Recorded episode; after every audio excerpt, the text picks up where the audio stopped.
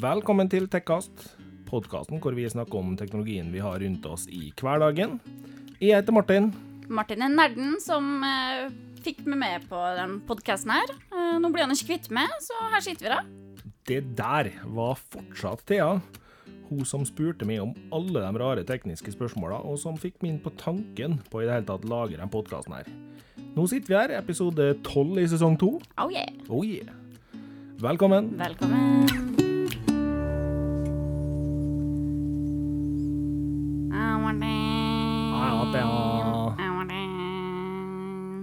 En ny episode, da, altså. Yes, tolv.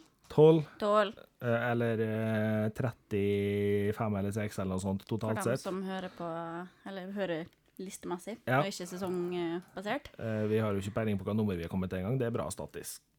Det, men, men. Ja, ja. Ja, vi er nå her ennå. Sånn så hører vi.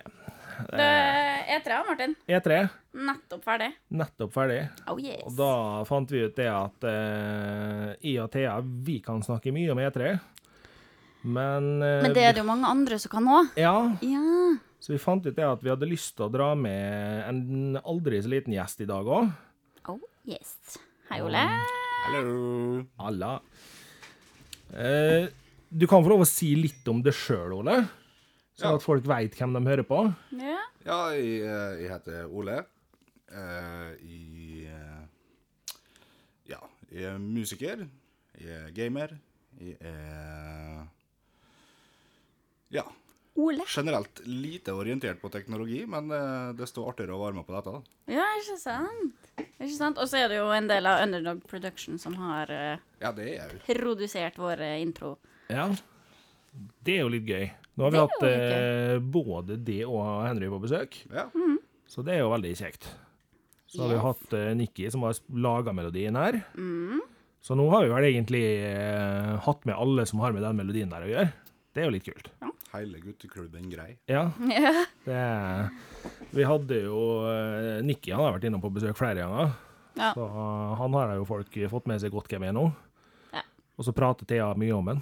Så ja, altså Det blir jo sånn, da. ja. Ja. Det er rart med det. Ja. det Men nå, nå er det jo fortsatt sånn at Martin eh, prøver å stjele det, stjele han, da. altså, det er bare når vi spiller. Ja. Så er Nikki mm. Og så sitter jeg der, da, på sam felles samtalen og bare Ja, OK. Du er fortsatt så, fortsatt så såra, såra og vondbråten over det der. Ja. Bare fordi at jeg skulle vise han en ryggsekk før du fikk se han. Ja. Stakkar. Jeg ville også se den ryggsekken, og jeg ville se den først. OK. Men uh, Ole, Ja. E3. Ja. Hva er det som gjør at du interesserer deg for E3? Du sa jo litt sånn innledningsvis at du er gamer, da. Jo, altså jeg er jo gamer, ikke i nærheten av så mye som jeg kanskje en gang var i tida. Uh, det går jo på det at du blir voksen, da, og så blir det vanskeligere å finne tid til å faktisk sette seg ned og spille. Det drar nå noen timer, da, den spillinga. Det gjør det, da. Så Men eh, det jeg syns er jævlig kult, da, det er jo å se E3 er den største spillhappeningen i året så langt, i hvert fall. Ja. Det er jo det. Og det er jævlig kult å se hvor mye spill har vokst som et medium, da. For det, det er jo et helt unikt medium i, i forhold til hvordan det samhandler med brukeren. For det er jo ingen, eh, ingen medium, verken film eller musikk, eller, som, som samhandler direkte med brukeren av mediumet. Det, Nei, ikke sant. det er jo bare spill at du faktisk sjøl kan oppleve alt det som skjer med deg i den verden du blir dratt inn i. Samtidig som vi nå i den teknologibiten vi er kommet til nå, så har vi også mulighet som gamere å gå inn på forumposter og sånne ting og skrive med utviklerne. Ja. Ja, Og og, det er jo helt utrolig. Ja, og utviklerne tar mer og mer fra konsumerne, da. Ja. Og det er mye mer interaction eh, imellom. Vi må jo nok en gang ramle tilbake igjen til Division, som jeg og du har spilt mye til, ja.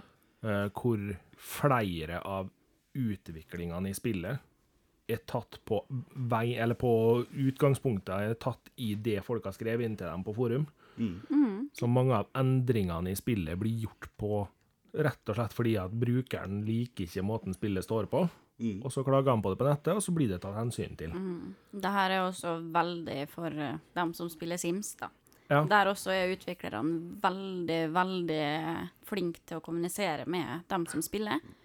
Og kommer med gamepatches hele tida for å legge til ting, eller endre ting som blir kommentert. da. De er jo konstant i utvikling. Det skjer veldig mye på den fronten. Så det er jo kjempekult at det har blitt et så stort medium. Og jeg tror nok det at man trenger ikke være den hardeste gameren for å kose seg med E3. Nei, altså det, det er jo For det første, jeg tror jo dette kanskje var den største produksjonen jeg har sett av E3 så langt. Spesielt Microsoft sin eh, oppvisning var veldig imponerende.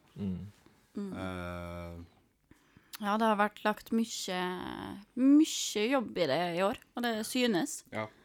Bare, bare rett og slett scenografien og, og produksjonen av, uh, av oppvisningene i år var imponerende i seg sjøl. Så bare sjølve forestillinga var jo verdt å se.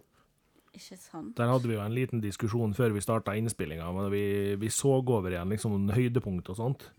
Eh, hvor vi syns Microsoft gjør det jo, det er for all del, de stiller knallhardt her, og de gjør jo ting stort og massivt og flott. Og så syns vi kanskje at Google drar bruken av kvitt litt for langt. for det Ja. blir sykt klinisk reint, altså. Det, Ja, du lurer liksom på om du ser på en uh, kult uh, Ja. uh, innehavervideo, skulle jeg si. Det er, det er ikke så spennende å sitte på venterommet på legeværelset og, Nei. for å få dommen. eh. Det er liksom, du har ikke så lyst til å sitte med tannlegen Nei. at det der er kos. Nei, ikke sant. De eh, Nå har jo Google alltid kjørt på å være reine, jo, men uh, de blir jo kanskje litt vel å det blir litt doktor over det. Ja, det, det blir litt det. stressa. Dr. Google is here to help you. Det- Snart blir det bare en stemme og en Ja. hvit skjerm. Så vårt tips til Google er da å ta, en- få inn ei potteplante og Altså- et veggteppe. Akkurat idet du sa potteplante, så datt det ned i hodet på meg hva jeg sitter og tenker når jeg ser den der pressekonferansen. I'm Poppy. Å oh, nei, ja. I'm Poppy. For meg, for meg og for meg. For dere som ikke skjønte den der, så er det da altså et eh, fenomen som har gått litt på nettet. Av ei jente som bare rett og slett står i et hvitt rom og sier I'm Poppy. I sånn ti minutter. Ish.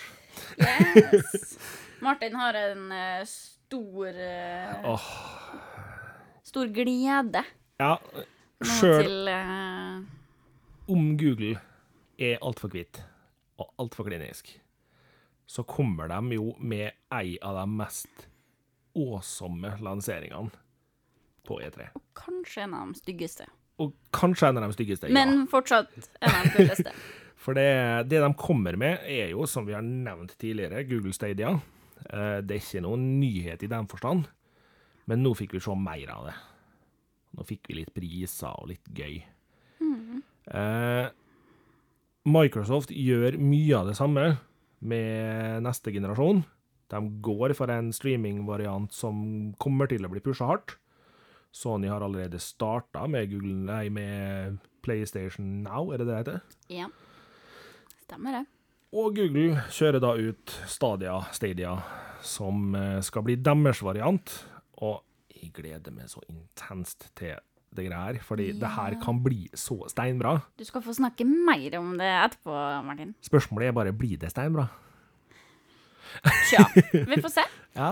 Ja, det, men det det, som blir spennende å se, det er jo det at dette her er jo det neste framskrittet i, i spillindustri og i spillutvikling, da. Det er jo det. Og det som er- blir spennende, er jo skjebnen for konsoller generelt. Ja. absolutt. Og når vi snakker om konsoller og skjebner, så er det mange som har sett E3 i år, som tenker Hvor er Sony? Og sjøl om de tenker det, så sier vi som mesteparten av tech-communityen sier, Ja. de vant E3 uten å i det hele tatt være med Ja. i år. Og det høres helt corny ut, men tenk gjennom det. Når du sitter og ser ei E3-sending, Microsoft lanserer ting, Google lanserer ting, masse forskjellige spillutviklere kommer med masse kule nyheter, Sony er bom stille. Yes, for de største gjennom E3 har vært Xbox Ja. og PlayStation. Det har vært hovedfokuset til de fleste. Og Sony bare Nei, vi er ikke med i år, vi. Vi har, vi har så mye annet vi må gjøre. Og det resulterer i at hele teknologibransjen er så nysgjerrig at de holder på å kolve. Ja. eh, Det er, og de har vært flinke til å holde lokk på det de Ja. driver og jobber med, fordi man sitter jo og klør, og det har vært veldig lite sånne for, eh, forspåinger om hva de driver med. Ja. Det eneste vi har eh, fått noen rykter om før E3, var hva PlayStation 5 kan finne på å være. Ja, Og det Men det er veldig rolige rykter igjen. Ja. Det, det er ikke nok til at du tenker ja, OK, det er derfor de ikke er med på E3 i år. Ja.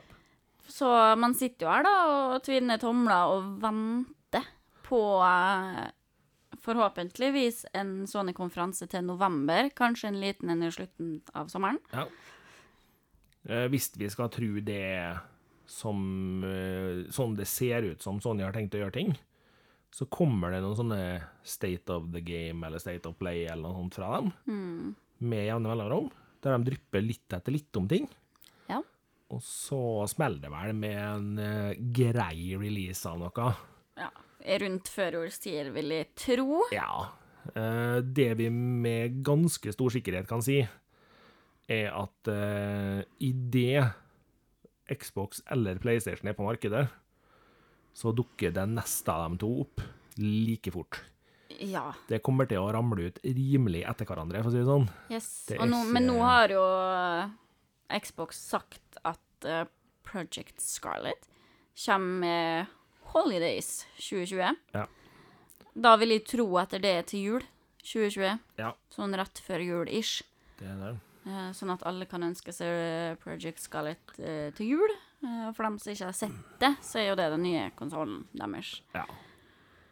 Og skal vi tro prisspåinga på både PlayStation 5 og Project Scarlet til Microsoft, så tror jeg ikke det her blir ei julegave kjempemange kommer til å få under juletreet.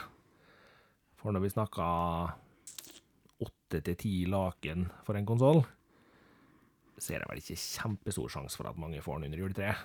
Nei, vi begynner å bli ganske bortskjemt i dag, da. Jo da, men vi, vi kanskje har ikke der. snakka om så her eh, kidsa som går rundt til en verdi av 20 000 rundt på skolegården, liksom. Ja, minimum. Det, Bare i det de har på sin person. så det Men uh... Hva syns vi om spillene på E3, da? meh. Det er jo så klart noe spennende, men med. Ole? Jeg har notert med mine hjertebarn. Det, det, Ja. det er Det som slår meg, er at de største, største spillene, de største titlene, imponerer ikke så veldig. Det var jo så klart noen som virkelig eh, slo igjennom, sånn som Cyberpunk. De satte sine spor. Mm. CD Project Red, de har virkelig. Jeg gleder meg jo til Cyberpunk. Cyberpunk ser veldig kult ut. Det, Jeg- Martin har en liten frykt. Ja, jeg har en liten frykt. For jeg har sett den uh, Cyberpunk-videoen noen ganger. Ja. Og første gangen jeg så den, så ble jeg litt sånn her Å, fy, det her blir tøft. Det her blir konge. Andre gangen jeg så den, så begynte frykten å ta meg. Og tredje gangen jeg så den, da var jeg sikker på frykten min.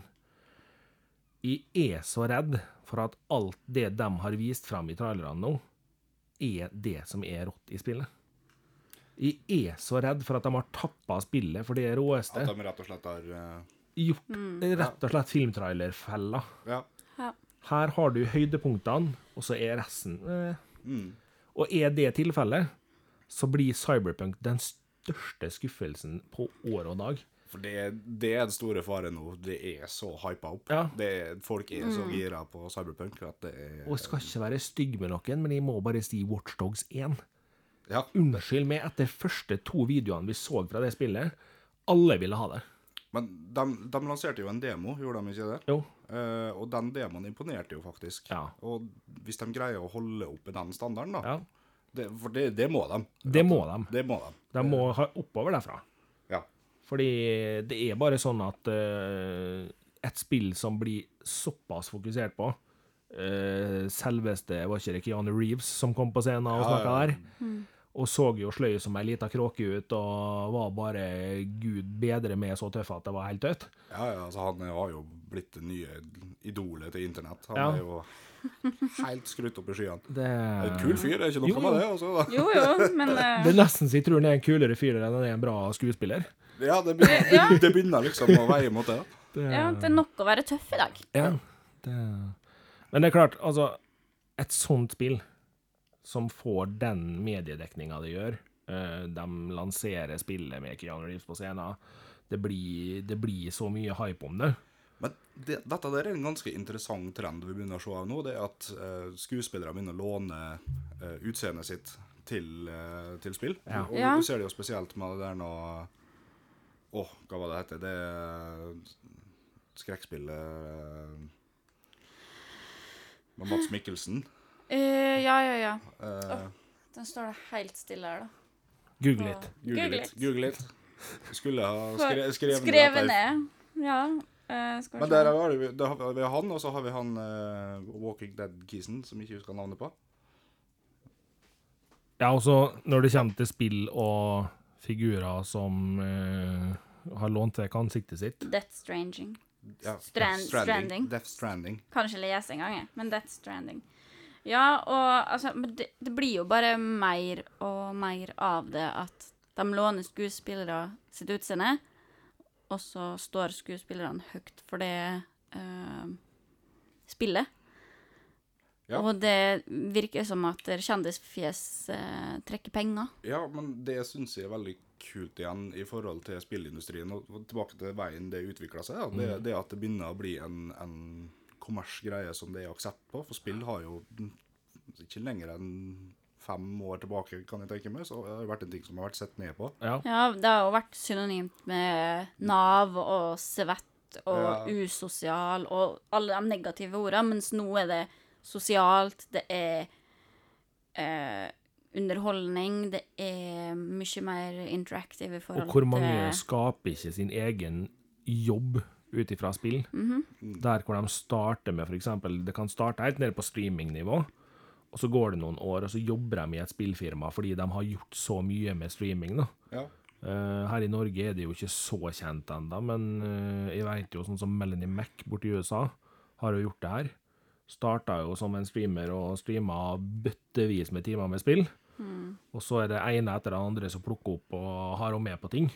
Og da er det klart at da er det en måte for folk å skape et yrke innenfor noe du liker. Ja, og så har jo sånn som e-sport har begynt å bli Ja. greie, og det begynner jo faktisk å, å, å ta av i Vesten òg. Det har jo vært eh, større borte i eh, spesielt Korea. Og, Ja, men det, det kommer, og det er Jeg syns det er kult, det, da. Fordi at det gir en så stor folkegruppe muligheten til å være del av noe uten at du må eh, passe inn i et spesielt krav, for alle kan spille spill. Eh, sånn at det blir faktisk en større mulighet for tilhørighet for veldig mange. Ja, altså det er jo samme Alle kan se TV. Ja. Det, det er på samme nivå. Ja, det er det. Altså, alle kan spille spill, og da får du faktisk For ikke alle kan spille fotball, faktisk. Nei? Nå får du en sport hvor du kan delta uansett, nesten. Det skal mye til for at du ikke kan spille spill.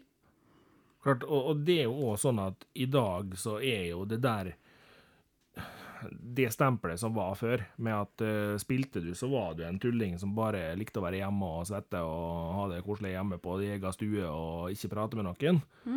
Det er jo blitt tatt veldig bort med tanke på e-sporten, som faktisk er Det er enormt mye trening som ligger bak før du er god i det der òg, altså. Ja, det, det, det er mange som tenker at ja, e-sport, det kunne jeg ha gjort. Uh, nei, jeg tror ikke, tror ikke du kan det. Altså. kunne ikke det. Nei, For så god er du ikke, altså. Jeg, jeg liker å tro at jeg er jevnt over ganske god Ja. i uh, la, la oss si, mitt store hjertebarn er jo Nintendo. Ja. Jeg sp har spilt en del Super Smash, og liker å tro at jeg er ganske god i det. Ja. Helt til jeg spiller online og får grisehjuling, Yes. og, og så må jeg bare liksom ragequitte og innse det at jeg var ikke så god som jeg først trodde. Nei. Det blir ikke noe turnering på meg i år. Det er litt sånn, altså Jeg er jo eh, ikke kjempeglad i å spille Fifa, men jeg spiller Fifa med jevne mellomrom. Ja. Syns det er kjekt å spille Fifa, men jeg spiller jo da karrieremodus. Et modus som ifølge mange burde ha vært fjerna fra spillet, for det er helt ubrukelig. Fordi du spiller jo ikke sånn, du spiller jo online, er det alle sier. Men jeg for min del, jeg gidder faktisk ikke å spille online, fordi når 12-13-åringene som sitter og spiller Fifa online, som bare spiller Fifa online, er så insane god, at du klarer jo pokker ikke å vinne en kamp med Manchester United mot eide fotballag. Tolvåringen sitter der med Eide og bare eier det. Det er, jo, altså, det, er jo ikke artig lenger. Heia Bu! Og det, Oh, yes. og det er sånn, i for min del, da jeg, Tidligere her så spilte jeg jo litt Counter-Strike. Trodde liksom at jeg hadde greit dreisen på Counter-Strike. Nei. Ikke i nærheten. Altså. Plutselig så kommer det en masse sånn en spiller med sånne russiske titler bortover, Ja. og, og, og da, da er det gjort. Ja, da kommer kniven, og så er du død. Ja, Du ser ikke rundt hjørnet engang før du plutselig Oi, der var det noen. Men det er Bare for å dra oss litt inn igjen, da, så er det jo en del andre spill som har kommet òg. Ja. Ja, det var det jeg egentlig skulle fram til, da. Dem vi faktisk syns imponerer mest på E3 i år, det er jo faktisk mange av eh, indie-utviklerne. ja. Ja. Der har du faktisk de kuleste spillene, syns jeg. Det er faktisk dem jeg ser jeg gleder meg mest til å plukke opp. Ja, for jeg syns eh, Av de store titlene, da, så syns jeg det er veldig mye repeat. Det er mørkt og dystert. Det her har vi jo snakka om, jeg og Martin, mye i forhold til eh, eh, eh, Division. Mm.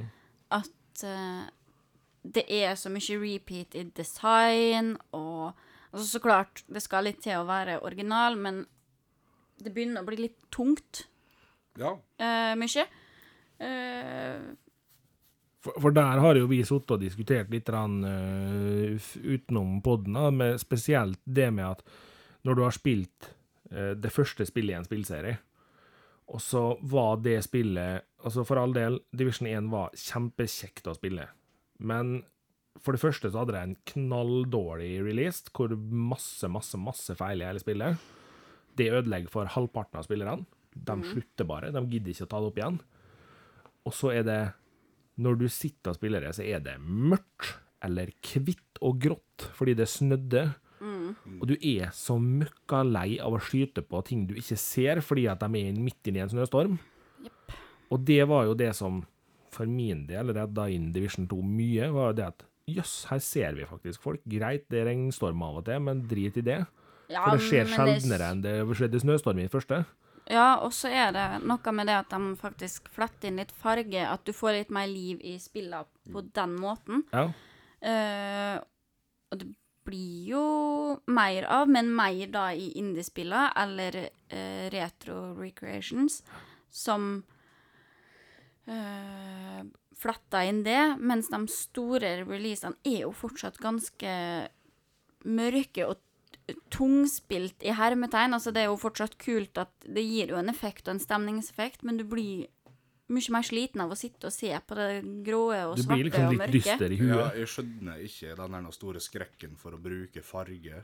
Hva, hva, det, hva det kommer av. Det, Nei, for det syns indieutviklerne som du drar fram, er flinke på, da. Ja, det blir mer farger. Det, ser, det ser interessant ut. Det popper i ansiktet. Du har lyst til å leve deg inn i den verdenen. Ja, du har det er noe med det der, altså. Og for all del, ja, vi vet alle sammen at det finnes Journey og Flow og Flower som ikke har farger i det hele tatt fra indieutviklere, men for guds skyld, Ja, ja. Det, det finnes uh, unntak. Ja, det, det gjør jo det. Men, men uh, et spill som vi kjøpte bare fordi at jeg syntes det så eh, helt fantastisk fint ut, var Trine.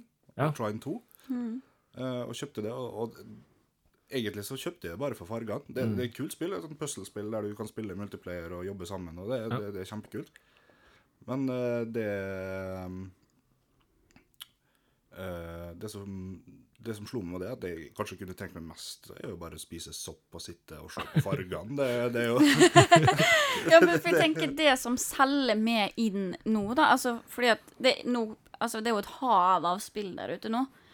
Sånn at hvis de skal kjøpe med et nytt spill og sitte og kikke, så må det fange oppmerksomheten min, og det gjør ikke grått og svart, altså. Nei, det Eh, altså, det, det Fordi det er så mye av det nå, så du får når du ser de tonene som har blitt eh, liksom standarden i alt av skytespill og sånn, eh, så sitter du der og er liksom Jeg har 15 spill som er akkurat det samme.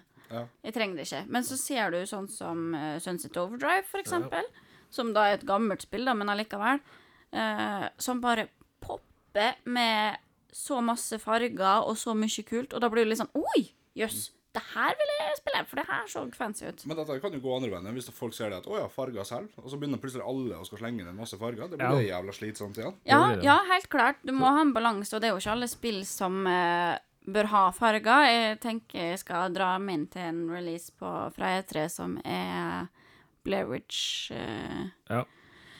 Skrekkspillet som kommer. Uh, Som dog dritdårlig tittel på et spill. Kjempedårlig tittel. Jeg er glad i skrekkspill, så det er rart at de sitter og disser mørke farger, for skrekkspill er jo mørke, men uh, uh, Men Blairwich, for eksempel, da. Altså, det, der bør det jo være sånn, fordi det Jo. er et skrekkspill. Og så er det jo det at du er midt ute i skauen, det er mørkt. Ja. Det må være sånn. Det er for stemninga, Ja. men Det, det er en del spill som Men hvor kult hadde det ikke vært å spille et skrekkspill som var fullt av farger? Jo, Jo. jo. Altså, det, det er helt sikkert gjennomførlig. Det, det er klart at det blir Skrekken kommer Det må jo vinkles på en annen måte, da, men Ja, det, jo, men jeg kan med en gang si en måte det er enkelt å gjøre det der på. Klovner. Klovner og sirkus Ja. er kjempeenkel måte. Du kan gjøre det altså så fargerikt og så fargesprakende at det nesten blir kvalmt igjen. Og så er det møkkskummelt allikevel. Ja, ikke sant? For plutselig så er kommer den der fargeklatten der nå imot deg med Ja. et glis og og Det Ja, Layers of Fair er jo et spill som har eh, prøvd å dra inn litt farger, eh, da Ja. det baseres rundt kunst. Eh, det er fortsatt dystert og mørkt, men du får de fargene som eh, jobber opp mot historien deres. Ja. Eh, og det var ganske kult. Jeg kosa meg masse med det spillet. Jeg trodde jo et øyeblikk når jeg begynte å spille Senua's Sacrifice, så trodde jo jeg et øyeblikk at nå skulle jeg endelig få litt farger. Nei. De gangene du i det spillet får farger, så er det rett og slett for å gjøre det litt fysisk dårlig. Yes. Det, ja.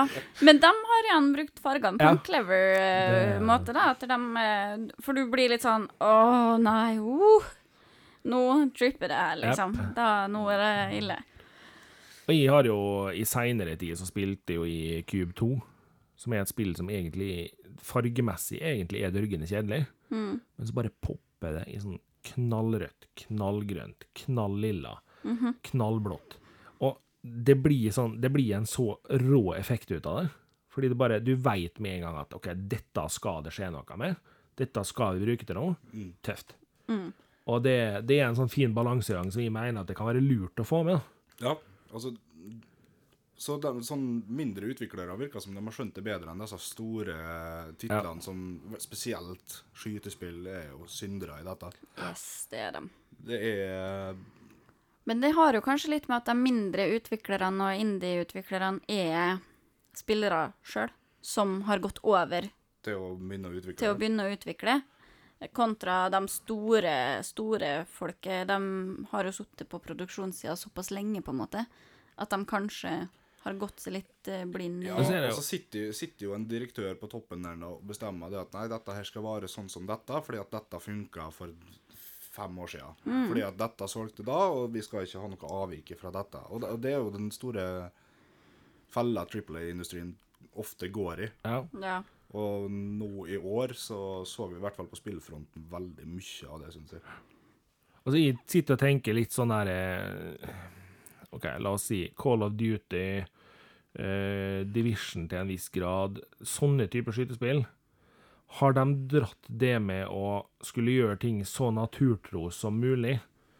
I en krigssituasjon, ja, da er du gjerne i et område der det er veldig dystert og tungt, fordi det skjer ting du overhodet ikke vil at skal skje der. En krig er ikke noe du vil at skal skje. Nei, altså det Nei. Altså, Men spørsmålet mitt er liksom, har vi dratt det her så langt over i at nå skal det være så naturlig og så ekte at de bikker over i at det blir for tungt.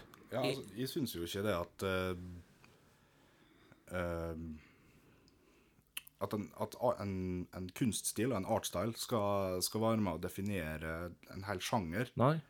Nei. Eh, for hvis du går tilbake, et av mine favorittskytespill noen gang, det er det originale Crisis. Mm. Det var dritfett. Og med en gang du kommer der, nå, du kommer dit om natta, og alt er mørkt. Eh, men du er i en jungel, Mm. så det er farger her nå. Og så går det over til daggry, og plutselig så popper alt i farger. Første brettet er, det, det er grønt, det er blått, det er, det er strender Det, det, det, er, det er, det er et brett da, som setter seg i minnet. Mm. Ja. Og, du, og du, altså, er det noe med det at du skjønner hvor du er hen, da? Du, du får den jungelfilen da, når du Altså, får Og det, det er jo en ting du kanskje kan gå tilbake til, at krig, krig er ikke bare gjørme og, og Nei, for krig Altså, skjer krig, så skjer det her, skulle Ja, jeg til å si. Det det- skjer jo i rundt det. Det skjer, og, det skjer der det er folk. ja. Altså, Hvis du går gjennom uh, Storgata i Molde nå, det begynner å bli ganske fint. Det popper med blomster, og, og det er blå, klar himmel og sånn. Og det, det er jo sånne Hvis du ødelegger en sånn dag, en sånn flott dag, og river ned den, det er jo da du virkelig får inntrykket av uh, ja, for det syns jeg savner litt med uh, at- type krigsspill, da. At, du, at jeg savner den der eh, progresjonen av ødeleggelse. Ja. Mm. Altså, du kommer til For det blir jo dystrere etter hvert. Ja, det, det er ikke det at du kommer til et gjørmehull, men det at du har noe flott og fantastisk, og så blir det revet fra deg. Det er jo Det er det som det, det, setter seg. det er jo det som er Men det kan hende krig. Det kan hende det blir dog litt for realistisk. eh, Kanskje det er derfor folk. de aldri tør å prøve seg på det. For de er livredde for at hvis du Beklager all Division-praten, men hvis du da i Division 2 skulle fære og springe rundt, og så ser du hvor ødelagt det blir rundt deg underveis, at det er det som ville ha tatt livet av eh, engasjementet Men jeg til folk. syns allikevel at de har gjort det godt i Division 2 på den fronten, med tanke på eh, Washington DC som står midt i julepynten, og Ja. det, det bare er der, og du har alle som popper av farger fra julepynt og julelys og julegater og Christmas displays og alt. Og så er det magisk hvor er det så mye knall krig rundt. Det er magisk hvor mange knallrøde bensinkanner som står overalt. Ja, du, det, det her, altså det, Mye bensin. Det er vel kanskje den, den store fargeklatten som er den største gjengangeren av alle. Det må jo være den røde bensinkanna eller tønna Yes. som, som eksploderer når du skyter den. Magisk nok, altså. Ja, hver gang. Uansett. Det det er ingen som har tenkt på å kamuflere dem der. Nei. Oh. Altså, jeg tenker i hvert fall sikkert at hvis det blir krig, så skal jeg i hvert fall ikke male bensinkannene mine røde. De Nei. skal pent få være grå eller eh, lik farge som ting rundt meg. Ja. Grave dem ned. Ja. Og jeg skal i hvert fall ikke stå og skyte rett ved siden av bensintønnene mine. For det ser jeg at det Det, er dumt. jo, det er jo oppskrift på uh, bad guy wasting 101. Men eh, jeg kan jo ikke prate om E3 uten å prate om den nye lanseringa til Sims 4. Nei, magisk. Uhuhu, For jeg må jo det. Jeg er jo en Sims-er, da. Så må jo det. De har jo da releasa den Tropical Adventure. Nå husker jeg jo ikke navnet engang. Jøss. Det, det er ille. Det er ille. Jeg trodde jo du kunne det her på rams. Nå ble jeg jo litt flau, så nå bare ble jeg stille. Ja, men uh, Tropical i hvert fall. Tropical Living. Tropical Der er det du get. som skal vite, Thea. Nei, det er Sims 4 Tropical Getaway Modpack. OK. Enda. Ja da. De er, de er Altså, det er jo veldig beskrivende, da. Det er, det er en tropikal øy du får. Du får en helt ny verden. Du får masse nytt gameplay. Og for oss som spiller Sims, jeg vet ikke hvor mange som hører på jeg som spiller Sims, men jeg er glad i Sims, så er det her eh, et kjærkomment tillegg, og det kommer også ganske mye med hver release av pakker og eh, nye expansions og sånne ting, og gear stuff, så er det også stort sett patcha på ting som blir klaga på. Og de har gjort en god jobb i år med å få folk engasjerte, og de har holdt seg litt på trend i forhold til at de plutselig har begynt å brakt inn havfruer. Vi så jo i Strangerville, så var det mye eh, litt sånn aliens. Det har vært før òg, men det var tatt til nye dimensjoner. Så eh, Sims 4 har begynt å gå over til å fokusere enda mer på en helhet i gameplay, da, og ikke bare liksom Nå skal du spise mat, nå skal du gå på do, nå går du på jobb, nå skal du høre på musikk, nå skal du sove. Og så bygge hus. Eh, men det er jo en stor community rundt det med housebills også, og de har eh, gjort veldig mye bra i den nye releasen eh, med game build mode. Sånn at vi får bygd masse kult, for det har jo blitt kjempestort for Sims. Med bygginga. Ja. Det, Og etter fire år med Sims 4 har de endelig greid å sette inn ei hvit vegghylle.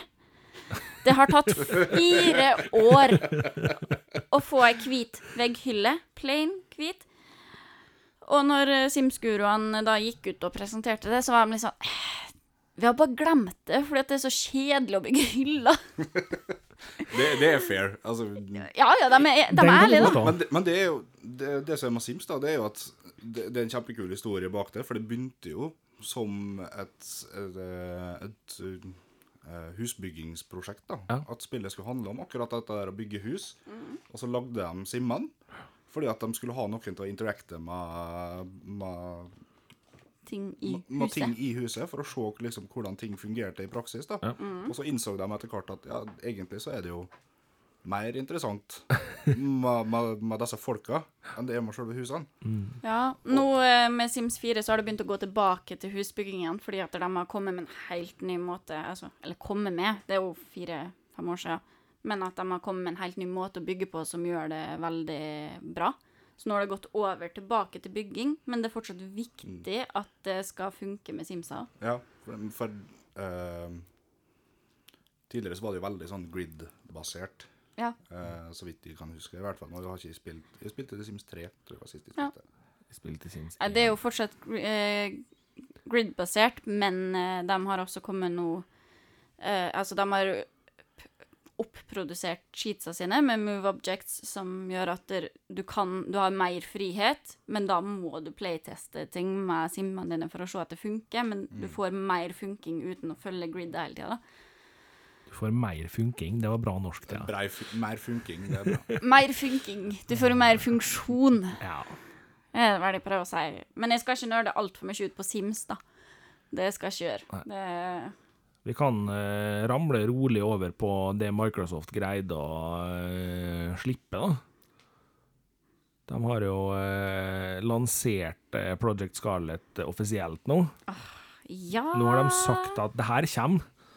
det Vi tvilte jo aldri på at det kom, Nei da. men eh, de har altså Kommer og gjør det.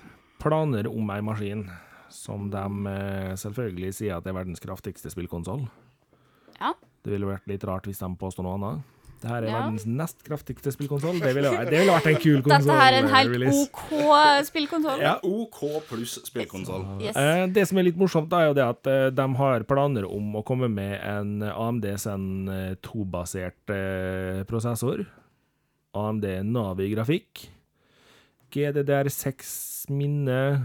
SSD-basert lagring. Planer om at det skal være diskrev på i hvert fall hovedkonsollen, ja. Høres eh, kjent ut, da, kanskje. Planer om bakoverkompatibel med spill, ja. Love it. Planer med bakoverkompatibelt tilbehør, ja. Love it. Eh, Microsoft påstår jo sjøl at eh, det her skal havne på en rundt 4500. Ja, jeg tviler. Ryktene tilsier jo noe helt annet. Men så er greia da, at eh, jo hardere de påstår at det her er verdens heftigste spillkonsoll, så um, kan vi jo nevne hva vi har hørt om PlayStation 5, da. Som sannsynligvis er det neste PlayStation. Ja, Stats er jo ganske Tja, magisk nok en AMD Zen 2-basert prosessor, da. Surprise, surprise. Eh, grafikk fra AMD Navi. Mest sannsynlig GDDR6-minne. Sannsynligvis SSD-basert lagring. Diskrev, ja. Ja. Bakoverkompatibelt med andre spill, ja. Og mest sannsynlig kompatibel med det andre tilbehøret, ja. Ja. Pris? Ja. Sony påstår 4500-5000, da. Er ikke det høres sabla likt ut nok en gang? skulle- Jeg tror skulle tro at de hadde- kanskje var konkurrenter opp mot hverandre. At de Ja. to kniva litt. Om Ja, for det altså. hører jo også litt ut som at de har kontor i samme bygg Ja. og har veldig ikke lydsikra vegger. Og så har de hver sine intern som går og henter kaffe og kikker inn og tar notater. Og Ja. Oh yes. Det, det virker litt sånn. Eller, det, eller så har de bare sånn halvvegger, som du har i dobåser. Eller kanskje de sitter i de samme møtene. det, det kan hende. Hva er kult i år? Det- Og begge konsollene, magisk nok, har planer om å komme med ny grafikk med så fint så det heter strålesporing. Så det skal bli pent og pyntelig å se på det her òg. Begge lover mye kortere loadetider. Mm. Begge lover masse tøffe spill. Så med andre ord, vi kommer til å få en helt clean kopi av PlayStation 4 og Xbox One-releasene, med andre ord. Det Ja. kommer til å bli sinnssykt like konsoller. Ja, og, og, det, og det her går på preferansesak, for du har en Xbox-gjeng, og så har du en PlayStation-gjeng. Ja. Uh, det jeg ønsker meg, er jo online på tvers av konsoller, men det Det, vi det var det veldig mye fokus på på Microsoft sin pressekonferanse. At Ja. med cross compatibility. Og det som er litt komisk for min del, er at Microsoft står og snakker så høyt og så tydelig om at det her har jo vi prøvd å få til lenge. Men Sony er ikke med. Kanskje kravet deres Microsoft som sier at dere skal eie alle serverne, dere skal ha absolutt alle rettigheter til serverparken, men Sony skal betale den. Ja. Kanskje det kravet burde ha vært litt senka. Jeg skjønner det at de har lyst til å liksom eh, eie det her, men, men eh, da blir det aldri noe crossplattform. Jeg tror det at skal vi få ei crossplattform på det her, så helt ærlig, jeg tror det må inn en tredje aktør. Jeg driter i hvem den aktøren er. Jeg håper det ikke blir Google, for det blir feil. Google kommer jo med en Stadia-sak, som vi skal snakke mer om. Men eh, det må komme inn en tredje aktør som sitter på serverparken, sitter på serverrettighetene, som ikke kan detaljstyres av verken Sony eller Microsoft. Ja, det er jo den eneste løsninga jeg ser så langt. Ja, fordi Tenk, så tenker lille Nintendo bak hjørnet Vi kan gjøre det!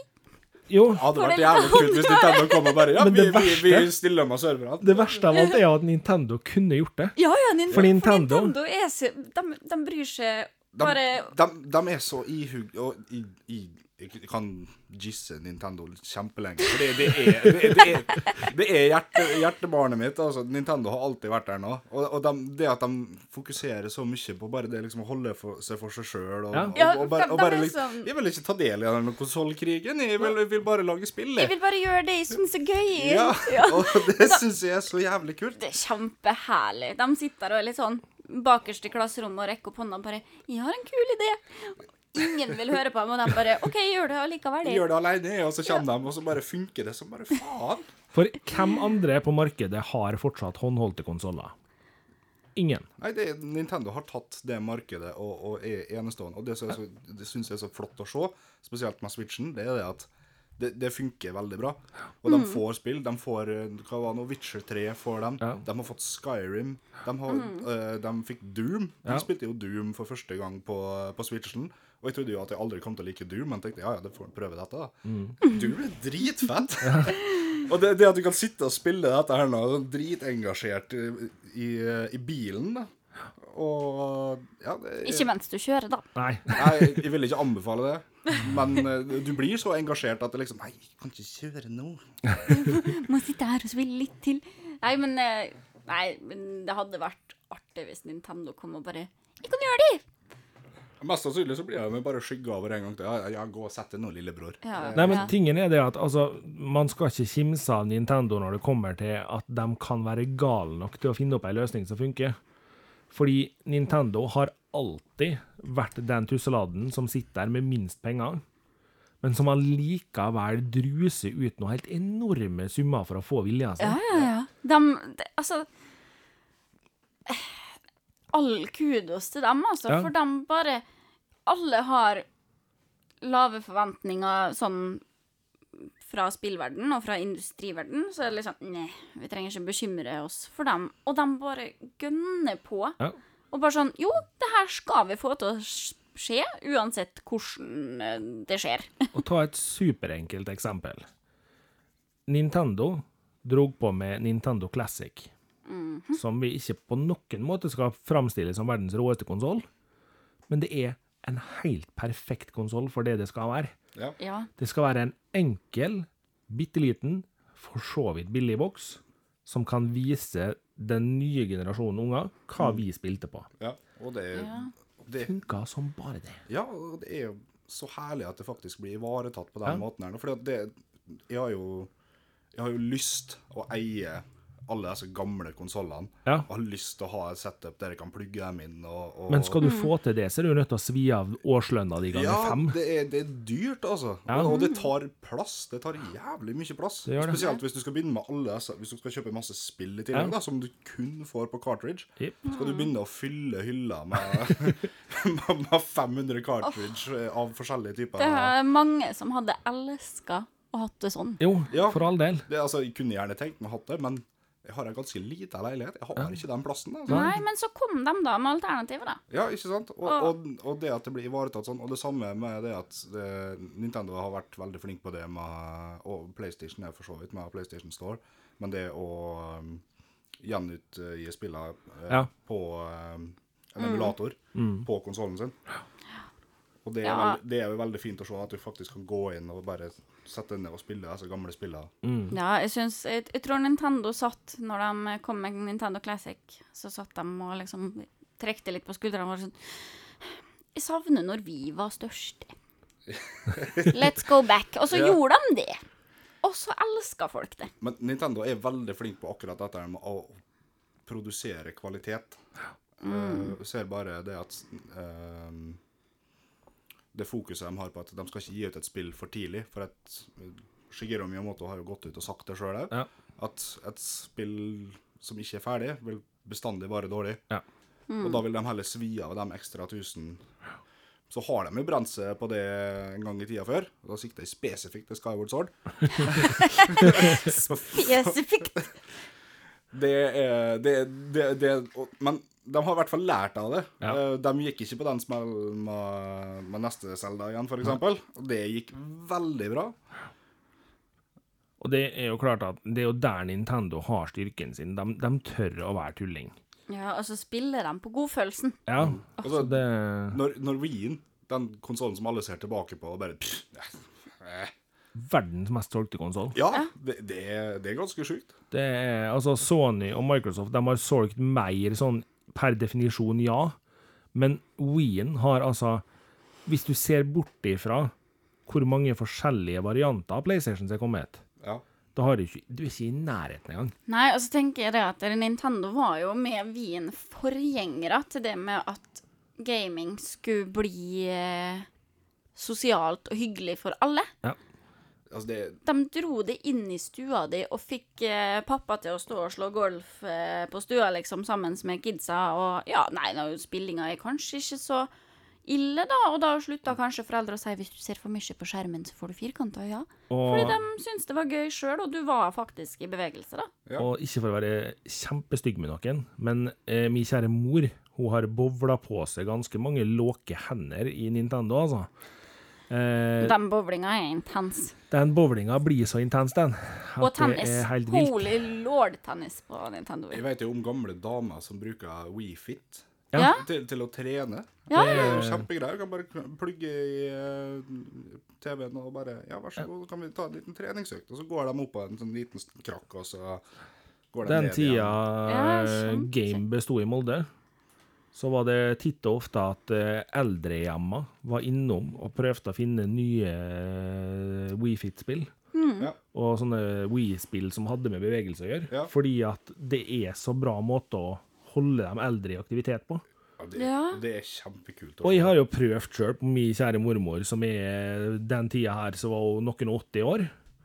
Og ja, hun sliter jo med den finmekanikken på en del ting, men det er jo mye der hun får til. Ja, Ja, Og som hun syns var kjempeartig. Og så er det noe med det at spillet er det er ikke noe du kjører ei turnering på. Nei. For, spillet spiller til dels seg sjøl. Ja. Så det er for at alle skal kunne plukke det opp. Og, og Det er bare bowling og tennis du kunne ha kjørt eh, ordentlig hard turnering på, altså. Ja, da hadde sikkert det gått det blitt- liv. Ja, da hadde det gått Ja. liv. Det, Eller konsoll. eller konsoll. Ja. Og og alle sett disse bildene av eh, Wii-kontrollere som står gjennom TV-en. Ja. Det, Og så har jo Nintendo Wii har jo verdens kuleste lille Hva skal jeg si? Eh, ekstrafunksjon, eller ikke ekstrafunksjon, det blir feil, det òg, men sånn liten hemmelighet. For alle som har spilt eh, Nintendo Wii, har jo irritert seg over den der lysbaren som skal henge eller ligge der, som er litt sånn der knotete, tynn ledning på, og så er du uheldig, så sliter du den ledninga, så tenker du nei så skal du få til å balansere opp på TV-en, spesielt Ja. i dag når TV-en begynner å bli mindre og mindre og mindre. Det begynner å bli veldig lite igjen å balansere på. Så skal du liksom kødde til, da. Det veldig mange gjorde, var at de for og kjøpte trådløse slike. Som rett og slett eh, de bare satt fra seg en plass og slo den på. Og så kommer det store trikset. Hvis ikke batteri eh, på den trådløse funker, hvis du har sleteledninger på den der originale, så tar du den originale, så tar du liksom mellomrommet mellom de to svarte vinduene. Så setter du et T-lys foran hvert av dem, så fyrer du på T-lysa, så kan du spille likevel. For alle Jeg For eh, alle Det er så amazing. alle trodde jo at den lysbaren hadde en funksjon. Ja, den hadde det. Den viste kontrollen hvor han lå hen. Ja. Det er alt den gjør. det, var, det, var, det var ikke akkurat noe sånn stor teknologi bak det, men, Nei, men det funker. De hadde, funker jo, hadde, jo, hadde jo i sin tid den beste motion-kontrollen. Ja. Ikke at motion-kontrollen var så særlig fantastisk. Nei. Det var den ikke. Men den var best. Den var best. Den var det. Men derimot igjen så syns jeg at uh, de nye Joy-Con-kontrollerne de Ja. er jo helt fantastiske på dette med tracking. De fungerer jo faktisk. Ja. Og der er det jo klart at eh, jeg tror nok Nintendo har fulgt med litt i timen. De har sett litt på hva Sony greide med PlayStation Move, som for øvrig mange trodde var en kjempeflopp, men det var jo egentlig Det var jo ikke en flopp. og det var, det var jo gøy. Ja. Eh, Det var den grunnen til at de har tatt med teknologien videre inn i PlayStation VR nå. ja. Så det er nok eh, Og nok en gang, Nintendo har en, de har en tendens til å bare sitte bakerst i klasserommet og følge med. Og så bare nuker de inn med ting som er så fantastisk stilig at det Imponerer hver gang. Det, det er så kult å se. Og for dere som stusser på hvorfor jeg er så veldig tydelig på at Nintendo Classic var bra, så kan dere sette dere ned og spille litt på Nintendo Classic, og så kan dere prøve å spille på PlayStation Classic etterpå. Så kan dere ta PlayStation Classicen og dryle den ut gjennom vinduet, for den er ikke verdt plastikken sin engang. Behold kontrollene, for de er litt kule. Men nå er den jo under 300 kroner, da. Ja, han er under Det gikk 300 fort. spenn. Det gikk innmari fort. Nå kommer det en hack til en som gjør den fornuftig-ish. Men, Men, Nei. det er Men Thea, Ja. eh, det er ikke sikkert du har fått med deg det her, men eh, bare for å liksom høre litt hvordan du reagerer. Eh, Sony kom jo med en liten uttalelse her før E3. OK. Um, de lanserte et spill til PlayStation neste generasjon, PlayStation 5 sannsynligvis. Mm. The Last of Us 2. I know. I've heard. De har etter all sannsynlighet gitt opp å komme med en til PlayStation 4. I know. Jeg tenkte vi skulle ikke snakke om sånne triste greier. For det, jeg blir så Men- oppgitt. Som vi sa om Nintendo. Nintendo i stad òg, Ja. det er mye bedre å få et spill Det det. utsatt enn at du skal få pusha ut et spill som ikke er ferdig. Absolutt. Og i hvert fall, jeg tenker sånn som med The Last of Us, så har folk så sinnssyke forventninger akkurat nå. Ja. Fordi at eneren tok oss jo med storm og jubel og tårer, og jeg har spilt det ganske mange ganger. Og jeg tror jeg har grenet på end sin hver gang. Eh, og jeg får fortsatt frysninger. Ja. Jeg drømmer om clickers jevnlig. Og jeg ser dem Ja. så ofte inni hodet mitt, fordi at det har satt så spor av det spillet, eh, at eh, de har masse forventninger å leve opp til. Så sånn sett så er det bedre at de tar seg tida, gjør det skikkelig, men de har snakka om det så lenge at du kjenner at du begynner å klø litt. Det, Sånn satt de til da jeg venta på eh, Breath of the Wild òg. Jeg satt og venta og venta, og det ble utsatt. Og det ble utsatt. Mm. Men jeg tenkte at OK, greit. Da vet du i hvert fall at spillet blir bra, og jeg ble ikke skuffa. Nei, for Det- er det skumle nå, hvis de ikke leverer nå når de utsetter så mye. Det tror jeg nok at de gjør. Men jeg tror, det gjør de jeg tror nok at det er litt bevisst at hvis de utsetter til lansering av nye konsoller òg, så er det fordi at de skal ha en stor tittel å lansere med. Og Mm. Ja. det er jo allerede så hypa opp. Ja, ja, ja. Og de vil jo selge ja. konsoller bare på det. Ja, helt Og det klart. er jo et spill som ikke kommer til Microsoft sin konsoll. Yep. Skjer ikke. Skjer ikke. Så. Men en konsoll, i hermetegn konsoll, som fikk eh, oppmerksomhet på E3, eh, det var jo Google Stadia. Mm. Og nå må jeg bare få lov å skjære igjennom og begynne å prate litt om det, for det Ja, her greit, ser så rått ut. Google det. Eh, for dere som ikke har fulgt med, og før jeg fortsetter, skal jeg bare si beklager, det her blir en lang episode. Men det skjønte dere. Når pra ja, når vi prater om E3, så blir det alltid langt. Det, eh, for dere som ikke har fulgt med, så er Google Stadia en spilltjeneste Google har tenkt å lansere, hvor de har en plan om at du egentlig skal slippe å kjøpe noen ting som helst, annet enn abonnementet på tjenesten. Du kan koble til kontroller du allerede har, eh, om det er Xbox 360, Xbox One eller PlayStation 4-kontroller, det velger du sjøl. Men de selger også en kontroller som da selvfølgelig ligger mer til rette for tjenesten. Eh, og det som da blir det store punktet deres her, er jo det at når du kjøper Hvis du kjøper kontrollen, da, så har du en eh, Chromecast Ultra på TV-en din. Så kan du starte opp tjenesten, og så kan du sitte og spille direkte uten å ha en fysisk konsoll å dytte noe spill inn i. Det betyr jo at du må kjøpe spillet du vil spille, for en pris. Og nå vet vi ikke prisene på de spillene, men vi kan se for oss noe alle det samme som på PlayStation Store og Xbox Store. Ja. 500-600 for et spill, kan se over på noen. Og selve tjenesten som Google da har tenkt å ha ut her, vil være en Du vil ha to forskjellige varianter av den. Du vil ha en gratisvariant, som vi vet ekstremt lite om enda. Så vil du ha en pro-variant, som vil koste 99 kroner i måneden. Og den gir deg da tilgang til ett spill å strømme. Per i dag så er det kun Destiny 2 som er lansert. Det kommer selvfølgelig her flere. Det, de ser for seg å ha en sånn rullering på noe spill i ny og ne. Eh, Men selve tjenesten blir sånn at eh, du da kan koble det til mobilen din, PC-en din, Chromebooken din, TV-en din, hva enn du vil. Så lenge du har enten en Chromecast eller en Android-enhet, eller om du kjører Chrome OS da, eller Chrome nettleser, så kan du koble det til tjenesten. Dette, hvis det her funker, det er et stort hvis, Ja. hvis det her funker som de lover, så er det her sannsynligvis den enkleste måten for folk å komme seg inn i gaming på noensinne. ja. Jeg må jo si at det ser jo Det, det høres jo kult ut. Ja. Eh, det ser stygt ut. Eh, designmessig. Helt greit, det skal få se stygt ut. eh, Vi har alle våre preferanser. Men jeg er jo eh, veldig spent på hvordan det her kommer til å funke i praksis, fordi eh, det er masse lovnader ute og går Ja, eh, nå, og det er relativt eh, nytt enda, eh, så vi får se. Um, jeg har ikke gjort meg opp så mange meninger ennå fordi at jeg syns jeg vet for lite. Jeg syns jeg har sett for lite. Det mest spennende her er jo om de greier å holde det de lover på nettlinjekrava. Ja.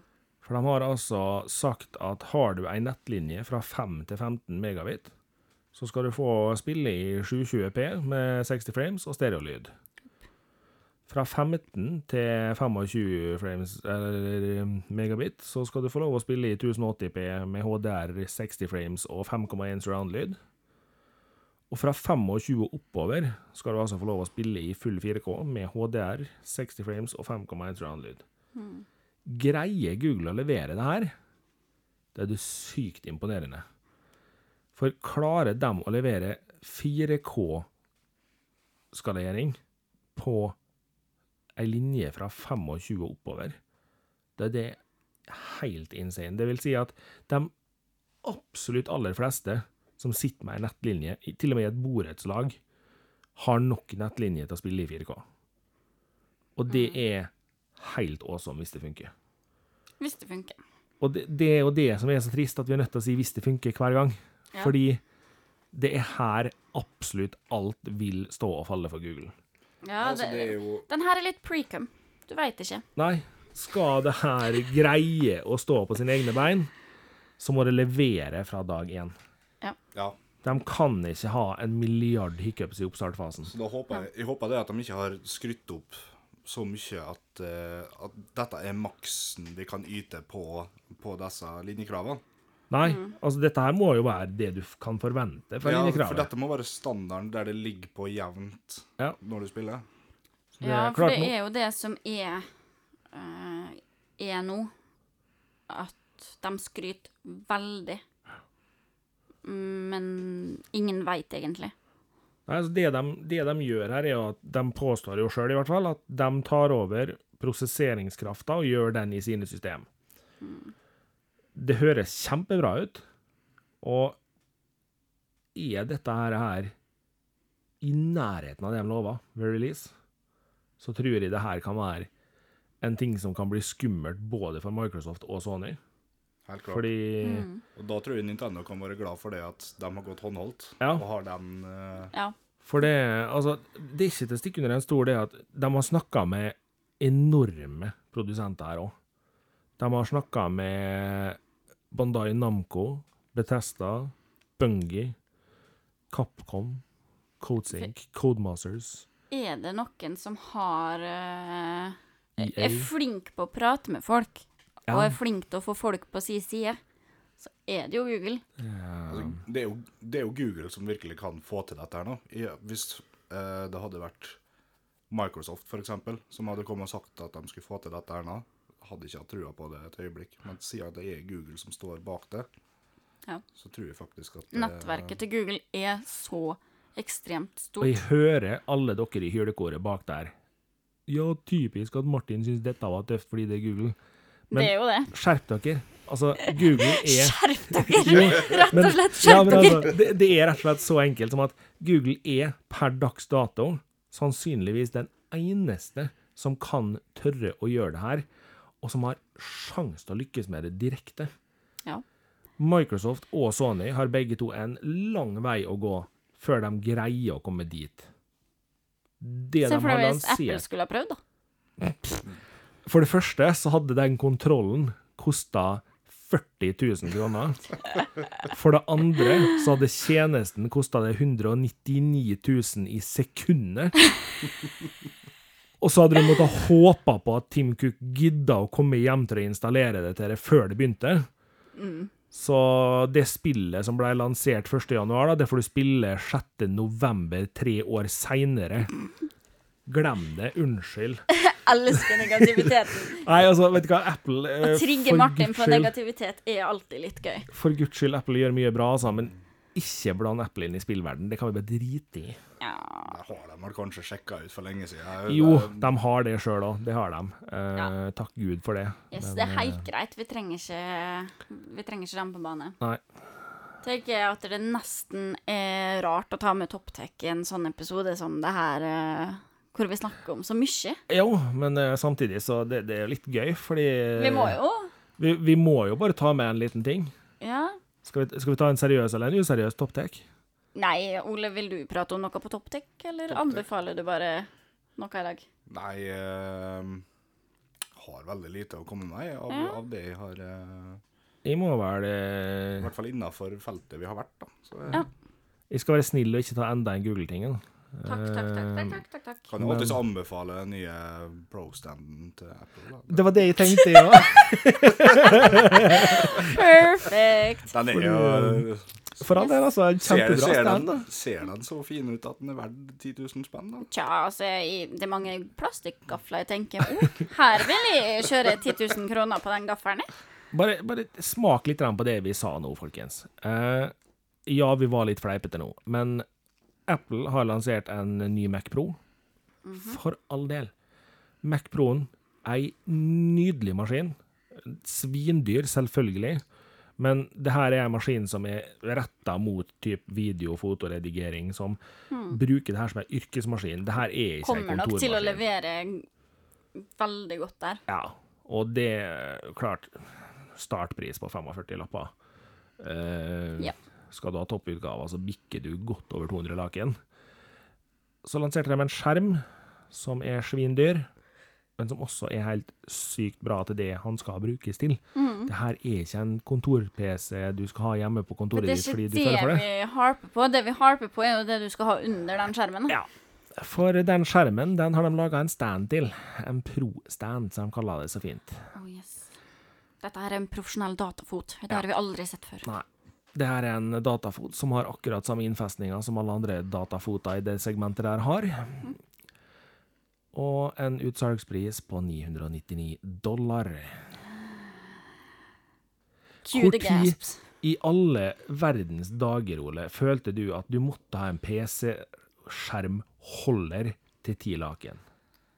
Nei, altså jeg tenker at hvis det var alternativet jeg måtte ha, så hadde jeg jo prøvd meg på gaffateip på veggen før jeg hadde Ja. Ja, ikke sant? Altså, jeg tenker, skal du koste 10 000 for en fot, så skal den ha lys, den skal ha vifte, den skal ha kjøleskap med plass til en liten Red Bull-boks. Den skal ha superkule effekter som gjør at den kan tusle bortover Ja, den, den, skal eh, komme bordet. spring, den skal komme springende når de roper på den. Ja, Med tastaturet og skjermen. Ja, ja, her, vær så hele pakka. Det, det skal være så ekstremt. Ja. Og, og det skal sies at den foten her er ikke spesielt spesielt superfin heller. Den, er, den ser clean og grei ut. Den er ikke spesiell whatsoever. Men det er liksom Det er en fot til en skjerm.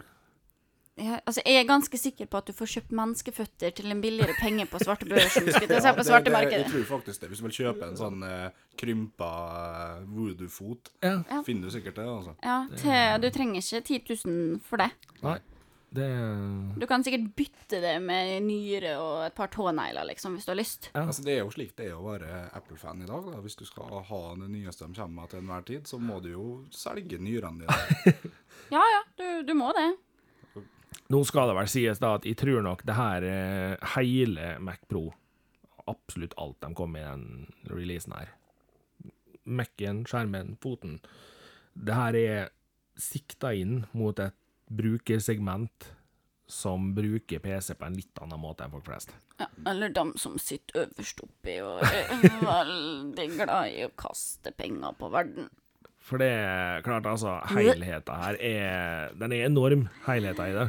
Det- det er det. eh, for all del, altså Når du er cheeky nok til å slippe ut en PC-skjermfot til 10 000 kroner det, Ja, jeg veit at det blir ikke 10 000 sånn egentlig, men det blir nært nok 10 000 til at de sier det.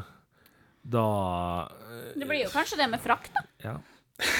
Da er det litt sånn der Sorry, folkens, men da, da, da fortjener dere litt tyn. Ja, det, det syns jeg, altså. Vi skal, vi skal jo ikke skyve under en stol det at akkurat dette med den foten her nå, det at jeg har fått så mye fokus på det, jeg tror nok at det var en gimmick bak Ja. det. At det er jo gratis PR. Det kan hende det var en liten eh, tanke bak 10 000 for en fot der. Ja, For det er jo litt Apple Ja. å kjøre på med sånne ting hvor folk bare Gisp, det her er ekstremt Og så snakker de om det, og så snakker de om det, og så snakker de om det, og så snakker de om det. Og så selger de, da. Det er noe med det òg. Det er det. Eh, vi skal ta med en litt mer seriøs toppdekk òg, da. Jeg skal ikke bare være stygg på toppdekken i dag. Oh. Uh, jeg har uh, en liten toppdekk som jeg må ærlig innrømme det at den her har jeg så inn i hampen lyst til å teste jeg veit egentlig ikke hvor jeg skal begynne hen engang. Uh, Ok, Er det den, eh, den eh, flashlighten som du kan koble opp til å synke med Pornhub? Nei, vet du hva, Thea? Det er bare du som har lyst til å teste den, faktisk. Men jeg har ikke penis Nei. til å putte inn din. Det, det får være ditt problem. Ja, det er det. Det, nei, jeg snakker altså om eh, DJI sin eh, nye dingsemoms. Dingsebomsen. De er jo eh, kjent for å lage droner. Ja. Nå har de gått ned på jorda. Så de lansert eh, Ja, altså, de, de kaller det en robot, eh, og mange av mediefolka kaller det ei stridsvogn. Eh, det her er altså en kjørende robotsak med mulighet til å skyte med infrarød skyting, eh, samt at du har muligheten til å legge noen sånne kulegreier i vann, sånn at du får skyte noen sånne à la sånn blomstergelékuler på folk.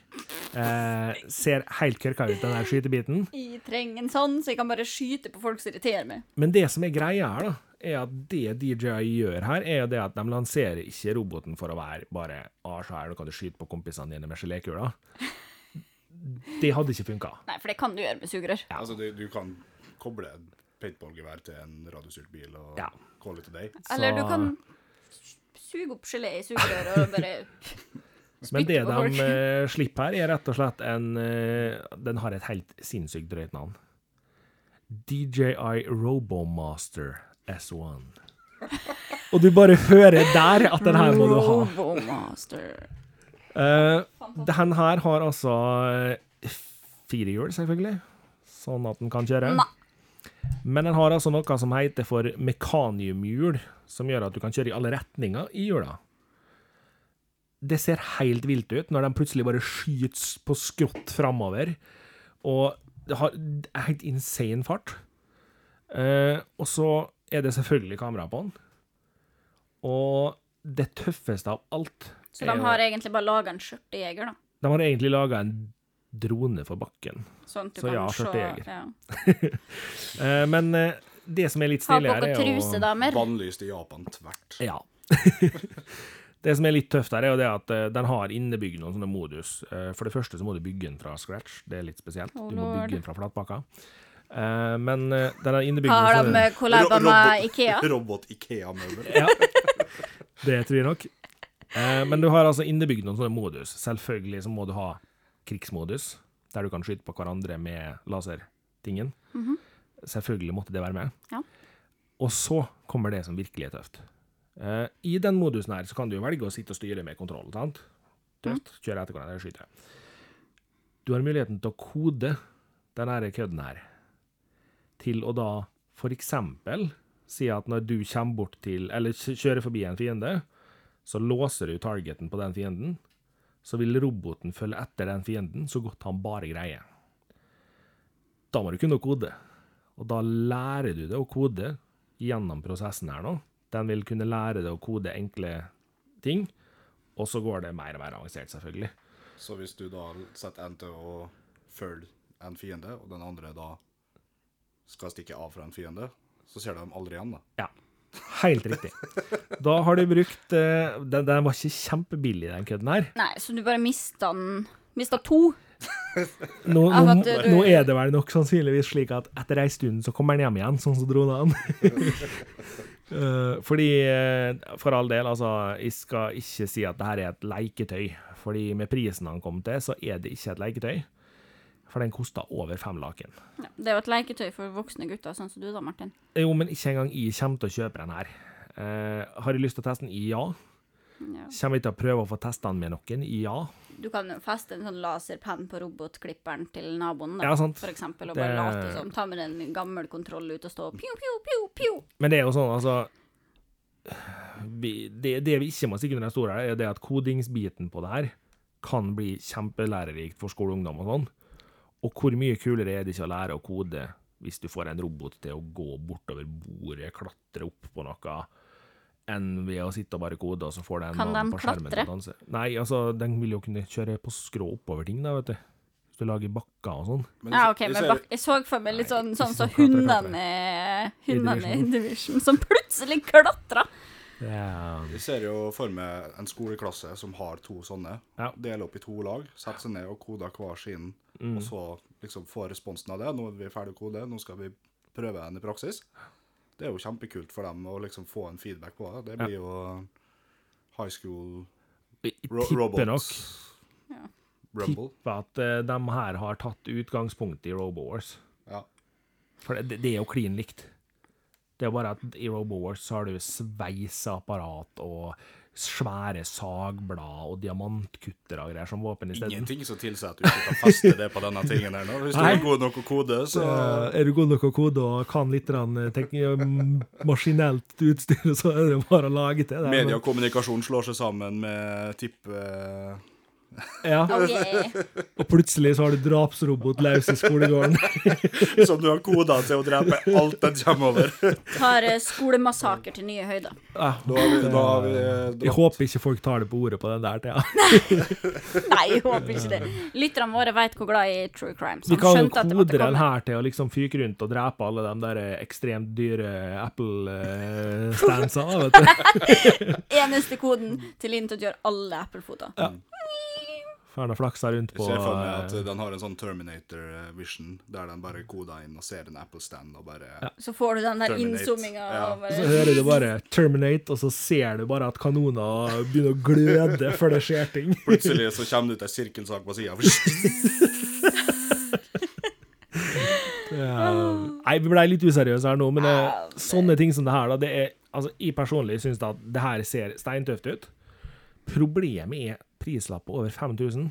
Men det må nå være til, da. Sikkert. Ja da, det vil nok det. Kanskje. Det er jo tross alt en laserpeker inni her, sånn sier det katten Det skal også nærme seg bare, bare mekanikken i seg sjøl, hvis den er så rask som du sier, da, Ja. er jo imponerende. nok Det er jo det. Ja. Og du ser jo hva folk punger ut for, eh, for radiobiler, Ja. som er av en viss kvalitet. Mhm. det, det koster, det. òg. Og klart eh, det, er ikke, det er ikke småtteri. da. Jeg så litt av den på YouTube, og jeg må si det at jeg var imponert over liksom sizen på den. og Den ser ut som han tåler en trøkk òg. De krasja ganske greit i den YouTube-videoen jeg så. Og det virka ikke som det var noe som løsna eller eh, skrangla etterpå. Til gjengjeld så er det jo klart at uh, har du brukt 5000 på noe, og du krasjer en gang, og så smeller det, og så er den ødelagt, så blir du litt forbanna. det, det kan også nevnes at uh, den har også mulighet til å programmeres gjennom Scratch 3 eller uh, Python. Skal vi anbefale?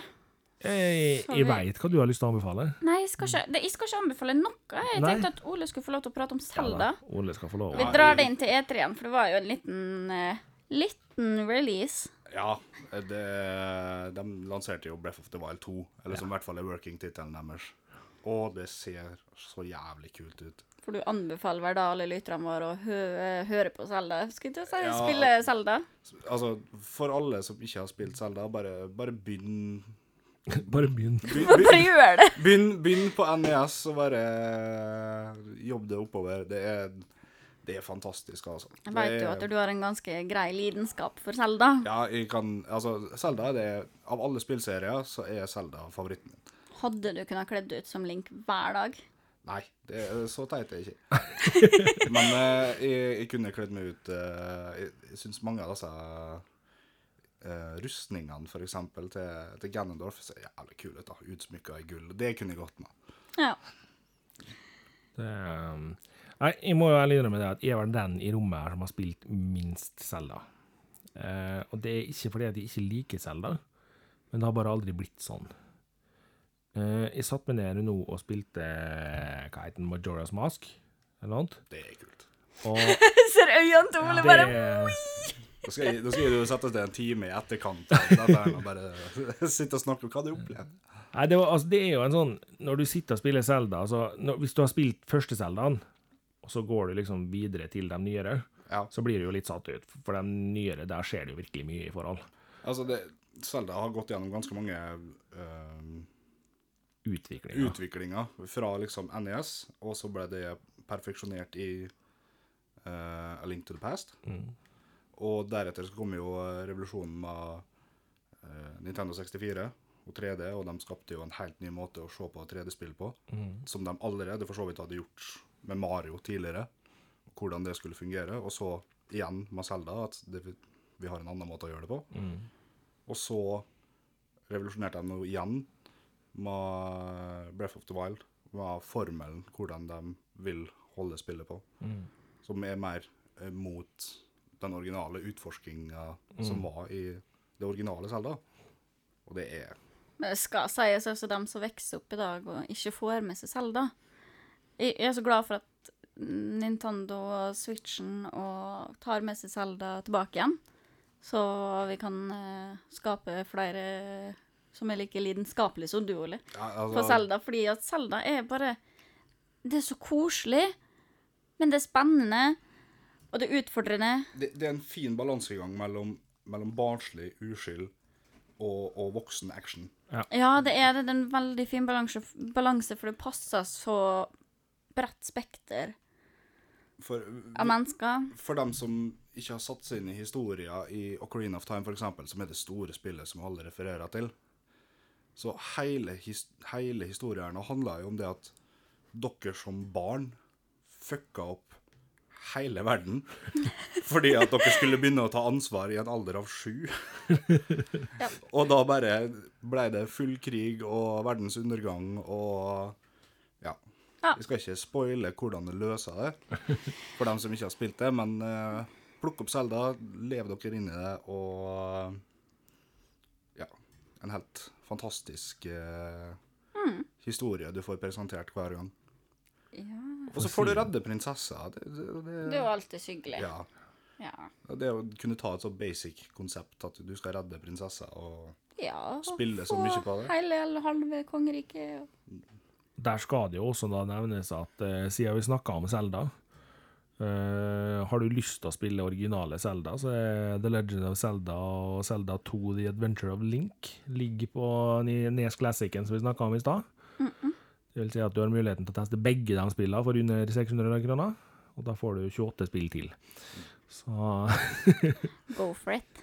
eh, Men på E3 nå, den releasen som var der Ja. Eh, jeg må jo si det at når jeg sitter og ser denne releasen, så blir jeg litt sånn her jøss. Det her er gutta som har skjønt hvordan de skal presentere ting. ja, altså, den, den teaser-traileren de kom med der nå, Ja. det, var, det virka som at de hørte ropet mitt. Alt det jeg savna fra Breath of the Wild. Alt det liksom sin jeg følte at Hei, dette var litt sånn Og så kom de bare Ja, men vi, vi har en oppfølger, vi. Og dere har det, ja? Ja, og hva har dere der, da? Jo, her har vi alt det du hadde lyst til å, å oppleve i Og jeg ble bare sittende med hakeslepp da jeg så eh, den her nå um, zombie-utgaven av antagelig Ganondorf, som bare møter dem med blikket, og de bare Hallo, ja! Der er du endelig! Jeg har savna det! Men det er jo sånne reaksjoner man vil ha fra fansen. Så var det jo en det, Vi må tilbake til, til det, da. For det var jo faktisk en, eh, en overraskelse til som nesten overraska meg mer. Og det er jo min andre store kjærlighet, og det er jo Rareware. Ja. Eller det som var gamle Rareware. Og da hadde Nintendo vært i smug bak og snakka med Microsoft. Og nå kommer endelig Banjo Kazooie til eh, Super Smash, som var ønska siden ja, flere spill siden. Det er, det er mye sånne tøffe ting som skjer på E3 som man egentlig ikke forventer. Ja, og, og de, disse små øyeblikkene da, som glimter, og det det, dette her jeg kommer til å sitte og minnes E3 i 2019. Det er jo disse tingene jeg kommer til å, å sitte og huske. og Jeg kan jo ikke Jeg har jo sånne tidligere år òg, hva jeg husker fra Ja, ikke sant? En legger seg jo til merke de tingene brenner mest for, eller de tingene som er presentert best, og så sitter man og husker det, og bare ja, det var bra. Og da får du jo lyst til å se neste års E3 igjen, Ja, og neste års neste år. Men så er det jo dessverre sånn at eh, spekulasjonene går jo litt om E3 har utlevd sin rolle. Utspilt sin rolle. Ja, altså, jeg tror at sånn, sånn som Nintendo, som kjører sin egen Nintendo Direct, Ja. og nå som Sony har meldt seg ut og sagt at vi skal kjøre vår egen greie Det vil nok være mer fort. Gratulerer til. Og jeg tror Der kom den! Det har vi venta på lenge. Hvor mange timer har vi venta på den? skulle jeg si. Thea snakka om den nysen der for over en og en halv time siden. Ja, der kom den. Åh, det var godt. Men uh, det at det blir mer fokus på spillprodusentene Ja. kontra disse store, sånn som Google og Microsoft og Sony det, det, det er jo ikke dem som er interessant, det er jo spillene vi er her for. Mm. Vi er jo ikke interessert i den nye konsollen så mye som spillene vi får spille på den.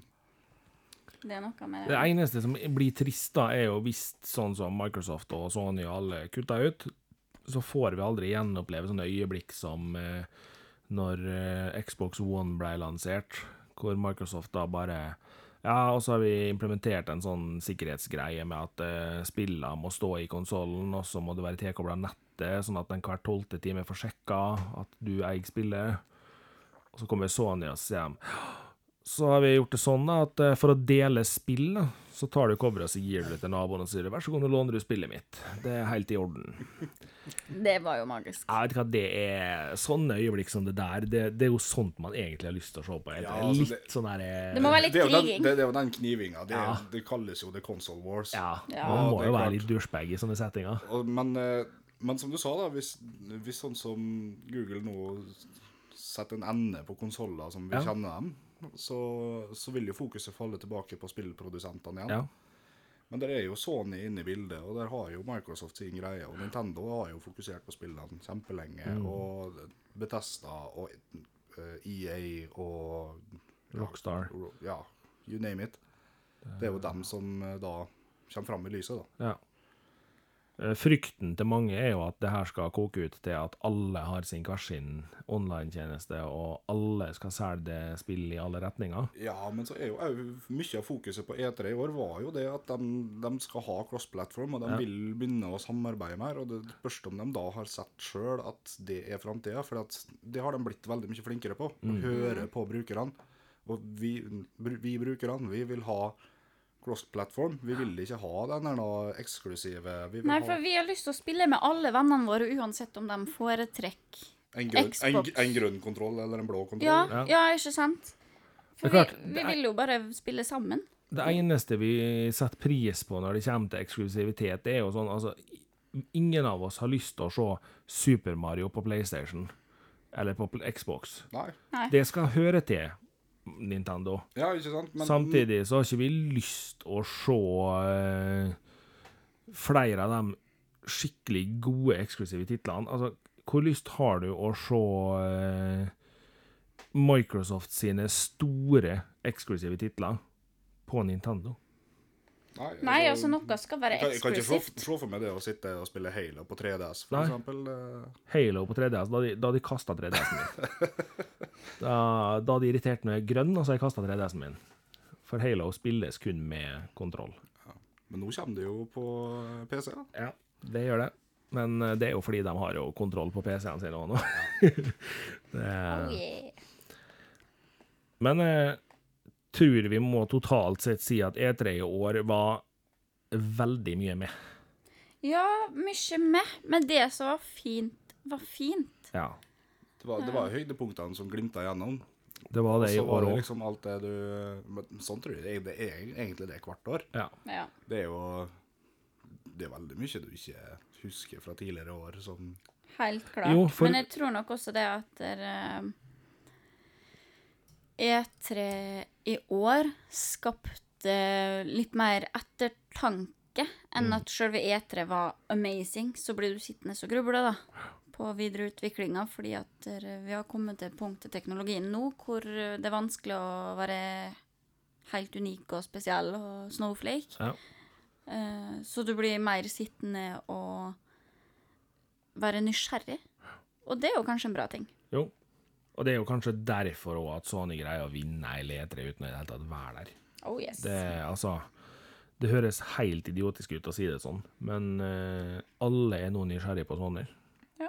Og vi det, det, vet er det er jo det at når du venter på E3 som er den store liksom, konklusjonen for året, Mm. og så har du en stor bit som mangler, det er klart du har lyst til å se hva den biten er. Ja. Mm, Det, helt klart. Og det spørs om det var noe markedsføringstaktikk inni det der òg. Var nok det, Kan nok det, eller det kan være det at å fuck, vi, har ikke, vi er ikke ferdig med noe. Enten det. Det hadde jo vært jævla skuffende hvis det var tilfellet, men det er jo veldig artig, da. Ja, ja. Vi, vi har faktisk ingenting med. Hva er det nå? Vi har glemt alt, vi. Vi satt på kontoret og snorta kokain i ei uke. Og Kan noen ringe Nintendo og spørre om vi får låne noe? Du, han, han bakerst i klasserommet, har ikke han alltid noen ideer? vi går og stjeler noe fra han. Ja. Eh, nå skal det vel sies Streamingtjeneste? Ja, ja, det har vi jo. skal vel sies at både Sony og Microsoft har vel prøvd å kaste nok penger på Nintendo tidligere, men ikke lyktes. Nei, det, og godt er jo det. Det, det er veldig godt å ha den der lille røde klumpen som eh, Det er det, altså. Det spørs om vi må invitere det tilbake, Ole. For eh, vi ser jo det at når nerdene kan sitte og prate spill, så blir det langt. Det blir langt. Det blir langt, og jeg kan, fortsette lenge ennå. Ja, det er noe med det òg, at det spørs om vi må invitere deg tilbake. Ja, det kommer gjerne. i. Jeg tror vi eh, kan si det sånn at eh, Ole skal tilbake igjen og snakke mer om spill. Ja, fordi at eh, det her er jo gøy. Det er jo veldig gøy. Spill er alltid gøy. Så, og så er vi Vi har jo en plan om å prøve å gjøre litt ting som dere som lytter til, kan være med på også. Så vi skal ikke se bort ifra at kanskje Ole er til stede hvis vi gjør noen live-ting i Raud. Hvor at eh, det går an å prate spill med Ole da òg. Ja, Det vi, kan hende. Ole er jo en eh, fin fyr å spørre om ting, da. Han er stort sett med. ja, jeg, Ja-menneske. Ja. ja.